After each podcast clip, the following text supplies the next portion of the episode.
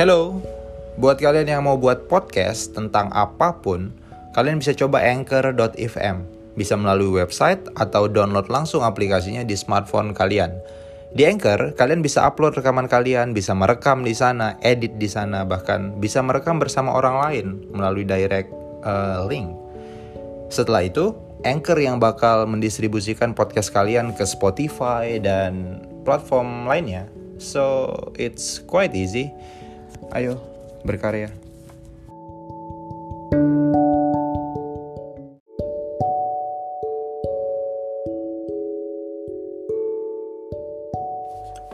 Al-Qudus, sebuah novel kitab suci karya Asef Saiful Anwar. Kembali lagi bersama saya Din Syamahendra, your book reader. Bab 6, Persebaran. Ajaran hidup mandiri demi desal yang berlari melintasi bumi. Sesungguhnya, ia adalah sebaik-baik tempat yang aku pilih sebelum manusia diciptakan. Telah kami panggil dan tanyakan segala tempat di seluruh alam semesta yang aku ciptakan sebelum-sebelumnya, tetapi tiada pun satu yang pernah sanggup untuk dihuni manusia.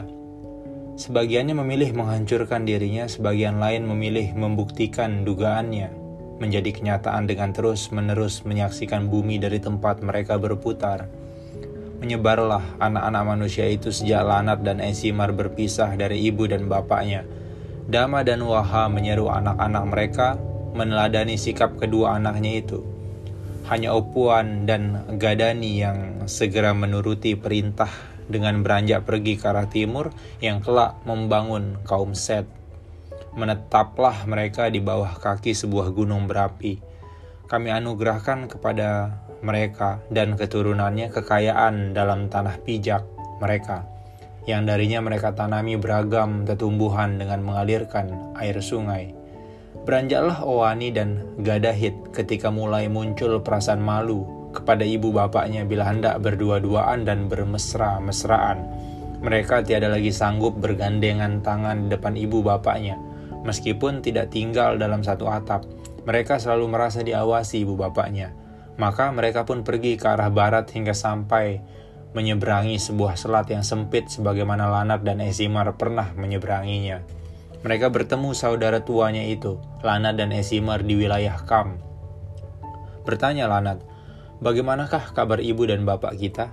Sungguh apabila dua saudara bertemu dan kedua orang tuanya masih hidup, hendaknya mereka membicarakan kedua orang tuanya terlebih dahulu sebelum membicarakan hajat mereka.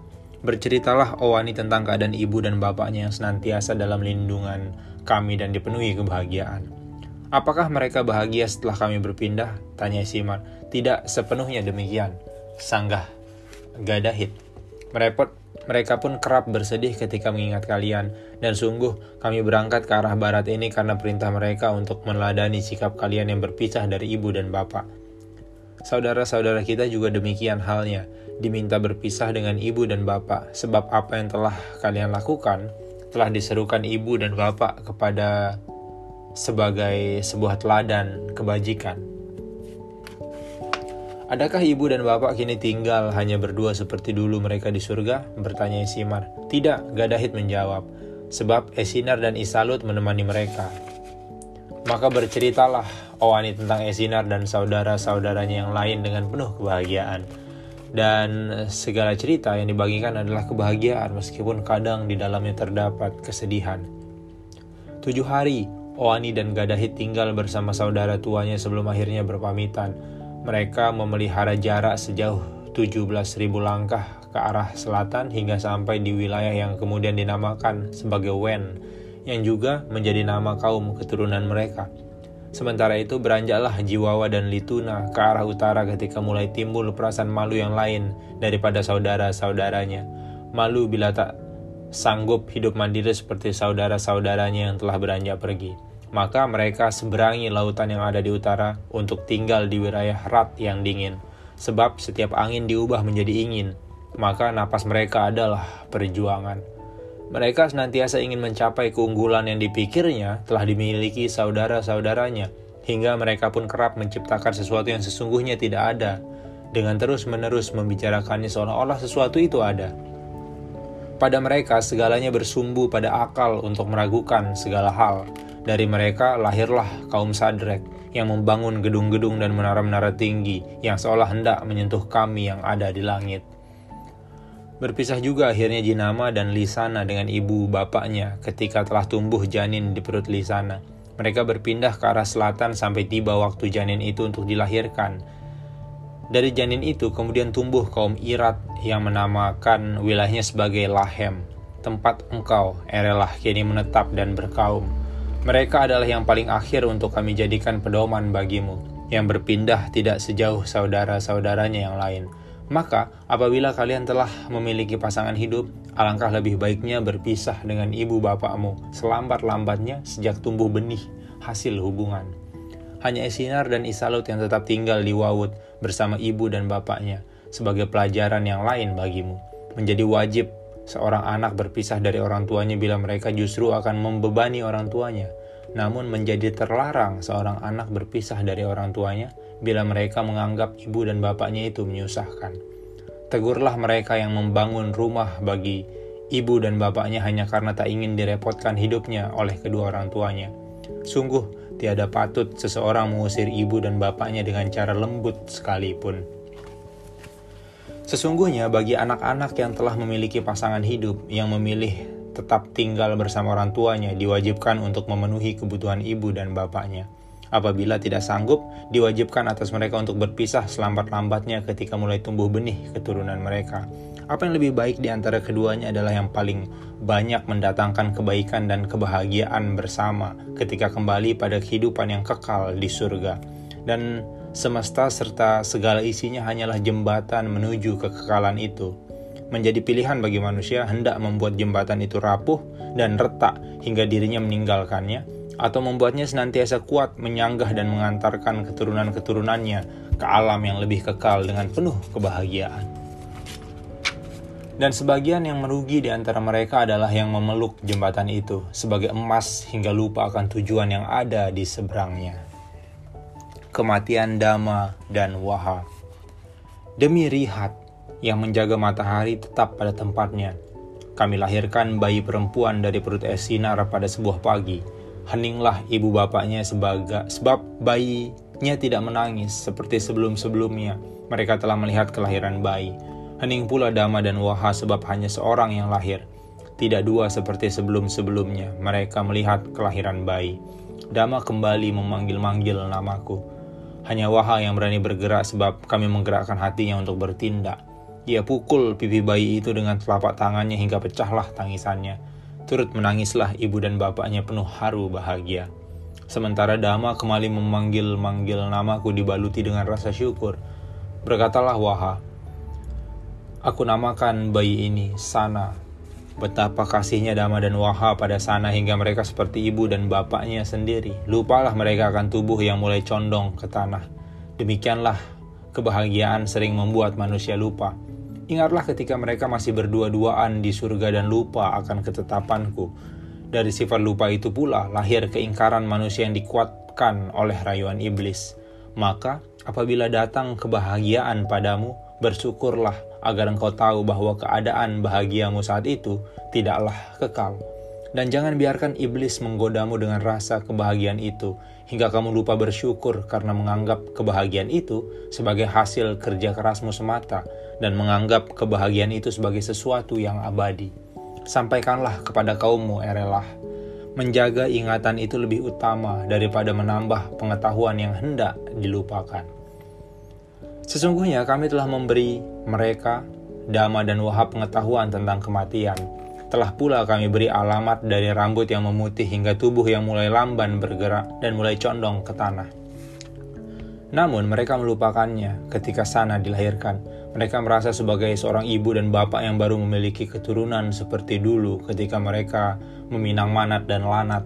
Hingga di suatu senja, tangan Waha tak kuat lagi meminang sana yang melolos dari gendongannya. Aku perintahkan Amut mengangkat nyawa Waha, sementara malaikat yang lain menjaga tubuh sana tetap mengambang di udara. Dama mendengar tubuh Waha yang jatuh dan kembali bersegera memanggil-manggil namaku. Ia saksikan tubuh istrinya terlentang di tanah sementara sana mengambang di udara. Esinar segera mendekap bayinya yang sementara itu, Isalut mencoba membangunkan ibunya dan memanggil-manggil namanya di telinganya. Ia pukul pula pipi ibunya dengan pelan sebab ingat apa yang dilakukan ibunya kepada bayinya dulu. Tapi tubuh itu tiada lagi memiliki roh sehingga tak lagi dapat bergerak. Ingatlah, mereka akan keadaan manat sebelum dikuburkan sebagaimana pernah dikisahkan Lanat dalam pengakuannya. Air mata mereka pun rebas dan menetes ke atas tanah dan Dama kembali memanggil-manggil namaku dalam isaknya. Mereka kuburkan jasad Waha di dekat kubur Manat. Dama masih merajuk memanggil-manggil namaku dalam kesedihannya. Air matanya serupa mata air yang menjadikan pipinya yang telah berkerut sebagai sungai. Tidak satu hari pun selama berpekan-pekan pipinya kering, sampai genap semusim berulang. Dama tinggal di depan kubur Waha yang senantiasa berdoa agar aku segera mengutus Amut untuk menjemputnya. Namun, Aku utus Sider untuk berkata kepadanya, Sesungguhnya Tuhan sangat tahu kesedihanmu sehingga Tuhan memintamu menghentikannya. Lanjutkanlah hidupmu dengan mengasuh anak-anak dan cucumu. Berkatalah Dama, mengapa Tuhan tiada kunjung memenuhi doaku? Berkatalah Sider, engkau masih memiliki usia sampai 49 musim lagi. Berkatalah Dama, aku sungguh sangat ingin mengakhirinya. Berkatalah Sider, kalau demikian, Tuhan akan mengizinkanmu mewariskan umurmu kepada anak turunanmu apabila alasanmu diterima. Dama bertanya, bolehkah aku tahu nasib anak turunanku kelak? Adakah kesedihan yang melebihi ditinggalkan seseorang yang disayangi dan dicintai sepanjang hidup? Maka bercita maka berceritalah Sider tentang keturunan-keturunan Dama dan Waha. Dama bersedih kembali ketika mendengar cerita tentang Diris, anak turunannya yang ke-11 yang tak kunjung memiliki seorang anak hingga usianya hampir habis dan Dama diliputi kesedihan Diris yang lebih berat dari kesedihannya. Betapa Diris mampu menanggung segala beban dengan doa-doa yang baik dan penuh harapan sepanjang usianya. Dama bertambah sedih pula sebab anak turunannya yang lain tiada saling menghormati dan banyak mencaci sesamanya, hingga lupa bahwa sesungguhnya mereka bersaudara yang satu garis darah hingga sampai kepadanya. Dama berkata, Adakah Diris terus-menerus diperolok-olok oleh kaumnya hingga meninggal dunia dan tetap tidak memiliki seorang anak? Bila demikian, tolong sisa usiaku yang 49 musim berikan kepada anak turunanku yang ke-11 itu. Dan dari sisa umur itu tolong berikan ia seorang anak demi meneladani ketabahan dan kesabarannya. Sebab harapan di dadanya lebih besar daripada rasa, rasa putus asanya. Aku segera mengutus Amut untuk mengangkat roh Dama ke dalam surga. Kami pertemukan ia dengan Waha yang tengah berusaha memetik sebiji buah ranum pada sebatang pohon rindang yang rantingnya saling mengepang. Yang kami balik bagian atas pohon itu menjadi bagian bawahnya. Sesungguhnya di dalam surga tidak ada sesuatu pun yang jatuh kecuali segera tumbuh kembali. Pertemuan dua cucu Tidaklah kami larang manusia menangis kecuali berlebih-lebihan mengucurkan air mata hingga mereka tenggelam dalam air matanya sendiri. Sebesar apa pun kesedihan hendaknya manusia mencukupkan air matanya. Mereka yang menangis berlebihan tak berbeda dengan orang marah yang melampiaskan nafsu amarahnya. Maka, janganlah engkau berlebihan dalam kesedihan dan menyia-nyiakan air matamu dan apabila terpaksa engkau harus menangis, sembunyikanlah air matamu dengan menyembunyikan wajahmu, atau dengan membasuh wajahmu dengan air bening yang mengalir. Dan sebaik-baik tangisan adalah milik orang yang menyesali perbuatan buruknya dan mengharapkan aku mengampuninya dengan menyembunyikan tangisan itu pada sepertiga malam. Lalu dengan apakah kesedihan harus dihilangkan? Esinar dan Isalut dapat menjadi teladan ketika mereka mulai memikirkan nasib sana daripada terus-menerus mengenang kebersamaan dengan orang tuanya. Sebab kesedihan adalah akibat masa lalu, maka memikirkan masa depan adalah jalan menghilangkannya. Apabila engkau bersedih atas sesuatu, janganlah engkau suntuk menyesalinya karena akan bertambah kesedihanmu. Sebagaimana kebahagiaan, kesedihan pun datang sewaktu-waktu dan pergi sewaktu-waktu juga. Maka hendaknya engkau pikirkan bagaimana hari esokmu di hari ketika engkau sedang bersedih. Demikianlah yang dilakukan Esinar dan Isalut untuk menanggalkan kesedihannya akibat ditinggalkan bapaknya, yakni dengan mulai memikirkan nasib sana yang mulai banyak bertanya, sebab telah beranjak dewasa. Berkatalah ia kepada kedua orang tuanya, mengapa matahari berjalan ke arah barat dan ada apakah di barat? Menjawab ibunya, itu sudah menjadi ketetapan Tuhan. Menjawab pula bapaknya, ketetapan Tuhan tidak patut ditanyakan. Berkatalah sana, tidak ibu, tidak bapak, itu harus ditanyakan. Menjawab mereka berdua, Tuhan hanya berkata-kata pada kakek dan nenekmu, sementara kami hanya bisa berdoa dan Tuhan menjawabnya dengan memenuhi apa yang kami butuhkan. Berkata lagi sana, aku akan pergi ke arah barat untuk tahu apa yang ada di barat, sehingga matahari berjalan ke arah barat. Dikabarkan kepadanya bahwa ibunya tengah mengandung saudara baginya. Ibunya berharap sana mengurungkan niatnya sebab akan ada pasangan hidup yang lahir dari rahimnya namun, tekad sana telah demikian kuat, sungguh tekad yang dimulai. Pertanyaan untuk menemukan sebuah jawaban sering kali lebih besar daripada tenaga yang dimiliki manusia itu sendiri. Dan kami yang di langit diam-diam menambahkan tenaga bagi mereka yang bertekad akan mewujudkan sesuatu, sehingga apa yang mustahil dapat menjadi mungkin, sehingga apa yang mungkin akan menjadi sesuatu yang terjadi. Sana berkata, Ibu, bapak, sesungguhnya aku sangat bahagia akan memiliki saudara, apalagi aku yakin ia pasti berwajah rupawan. Aku sungguh ingin mengasihi dan menyayanginya dengan baik. Tapi, ibu, bapak, tekadku sudah bulat untuk pergi ke arah barat. Bila tiba waktunya, aku pasti akan kembali untuk mengasihi saudaraku yang kelak lahir itu. Bila jumlahnya bertambah, akan aku sayangi semuanya. Demi Jindal, yang menyanggah letak langit agar tetap di atas, beranjaklah sana ke arah barat ia hanya istirahat ketika matahari teng telah tenggelam dan berjalan ketika matahari terbit untuk terus diikutinya sampai kemudian tenggelam kembali. Matahari menjadi petunjuk seperti dulu Dama mengikutinya untuk bertemu Waha. Bermasa-masa ia pergi ke barat hingga menyeberangi sebuah selat dan sampai di wilayah Kam. Sementara di Wawut, Isalut bertanya kepada Esinar, kandunganmu lebih besar daripada dahulu. Sekiranya lahir sepasang anak dari perutmu, apakah kau tidak mengkhawatirkan masa depan sana yang kini tengah pergi ke arah barat?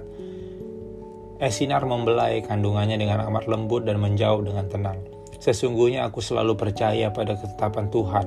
Meskipun aku melahirkan sepuluh orang anak lagi dan mereka telah berpasangan, sana akan tetap memiliki pasangannya sendiri. Aku pernah merasakan hal yang sama ketika aku menunggu kelahiranmu. Dan tidaklah ada kebahagiaan yang lebih indah selain yang telah lama ditunggu dan tiba tepat pada waktunya. Kami benarkan ucapannya dengan melahirkan 10 anak yang dipasangkan, yaitu Sat dan Git, Rubai dan Kamsi, Tahsi dan Eles, Lahme dan Nobe, serta Jame dan Sorok. Isalut semakin murung memikirkan nasib anak pertamanya, sementara Esinar senantiasa tersenyum sebab ia mengerti apa yang telah menjadi ketetapanku atas nasib sana. Ketika menyeberangi selat yang sempit untuk terus ke arah barat, bertemulah sana dengan Lanat yang tengah mencari ikan. Terkejutlah mereka setelah tahu saling bersaudara. Diajaklah sana ke rumah Lanat dan dikenalkannya dengan keluarganya. Apakah yang membuat engkau kemari? Esimar bertanya dengan meluruhkan ikan yang telah dibakar.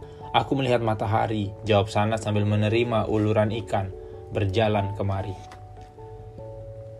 Sibda menyela sambil mengulurkan minuman, tapi matahari masih berjalan ke arah barat. Apakah engkau akan melanjutkan perjalanan? Esimar dan Lanat berpandangan, begitupun Sana dan Sibda. Aku akan berhenti di sini, kata Sana sambil menerima minuman yang diulurkan. Meskipun matahari tetap berjalan ke barat, aku tahu bahwa ia tiada memiliki akhir perjalanan sebab selamanya akan kembali ke arah terbitnya. Dalam perjalanannya, aku sering bermimpi tentang tujuh pohon tamar kembar yang satu di antaranya berbeda dan lebih dekat pada genangan air yang berlimpah dengan rumah yang disinari matahari dari arah timur. Dan apa yang aku lihat dalam mimpi itu telah aku saksikan sebelum memasuki rumah yang ada di mimpiku ini. Sungguh di sinilah akhir perjalananku sebelum kembali. Sesungguhnya aku pun berkali-kali memiliki mimpi akan kedatanganmu, berkata Esinar, dan engkau akan membawa putra kami kembali ke Wawut. Berkatalah Lanat, engkau harus menjadi pasangan Sibda yang lahir tanpa pasangan. Aku harus meminta restu kepada ibu dan bapakku, jawab sana, sebab mungkin ibu telah melahirkan pasanganku. Bawalah anak kami, kata Lanat, bertemu ibu dan bapakmu. Kami telah merestuinya untuk hidup bersamamu. Kami sudah tak sanggup lagi untuk melangkahkan kaki ke Wawut. Tidak pula ada niat untuk pulang ke Wawut. Bagaimana bila ibu dan bapakku telah menyiapkan pasangan untukku? Kami percaya itu tidak akan terjadi, sehingga Tuhan mengirim mimpi kepadamu dan kepadaku. Dan kami yakin engkau adalah pasangan dari Sibda yang juga lahir tunggal. Maka beranjaklah mereka berdua ke arah timur ketika matahari telah terbit. Sungguh pengetahuan yang telah ada di kepala manusia itu membuat segalanya menjadi mudah. Jalanan yang pernah dilalui sana dikenal dengan baik sehingga baginya waktu pulang terasa lebih cepat daripada waktu berangkatnya. Ketika berjumpa, berpelukanlah Sana dengan kedua orang tuanya. Diantarkan mereka Sibda dan Sana oleh Isalut ke kubur Dama dan Waha. Juga dikenalkan pada Sibda kubur Manat. Tak henti-hentinya Esinar berkisah tentang Dama dan Waha kepadanya. Yang sesungguhnya pernah mendengar sebagian kisah itu ketika kecil dari ibu dan bapaknya. Direstuilah Sibda dan Sana menjadi suami dan istri di depan altar kami atas namaku. Disahkan hubungannya oleh keluarganya, dalam bimbingan Isalud. Diadakanlah pesta dan persembahan bagi kami di langit melalui mereka yang sakit dan sedang dalam kekurangan. Itulah pernikahan pertama anak manusia yang, la yang tidak lahir dari satu rahim. Dari mereka lahir Baikia yang memperanakan Filom, yang memperanakan Husah, yang memperanakan Sitah, yang memperanakan Hujud, yang memperanakan Lehti, yang memperanakan Nabasi, yang memperanakan Rohe, yang memperanakan Diris. Kami anugerahkan pula keturunan-keturunan dari masing-masing anak itu dengan amat banyak, yang dengannya mereka tumbuh sebagai suatu kaum. Sebab kami anugerahkan pula pada mereka waktu masing-masing ratusan musim, hingga ada yang menyentuh seribu musim. Sesungguhnya waktu adalah roh yang ada di dalam tubuh manusia. Amat sedikit manusia mengerti akan hal itu, sebab lebih memilih terperangkap dalam ruang tubuhnya. Sampaikanlah kepada kaummu Erelah, sesungguhnya iblis lebih suka menggodamu dengan tubuh atau ruang untuk melupakan rohmu atau waktumu. Maka berhati-hatilah dengan segala yang tubuh. Dan ingatlah betapa terbatasnya waktumu di dunia ini. Gunakanlah keterbatasan itu untuk menabur dan menyebar kebaikan dalam keimanan sebab kebaikanmu akan terus diberi waktu meskipun waktumu sendiri telah habis. Dan sekecil apa pun kebaikan, ia tidak akan pernah habis dibagikan, sedang kekayaan akan habis meski tidak dibagikan. Wow. See you on next episode. Bye.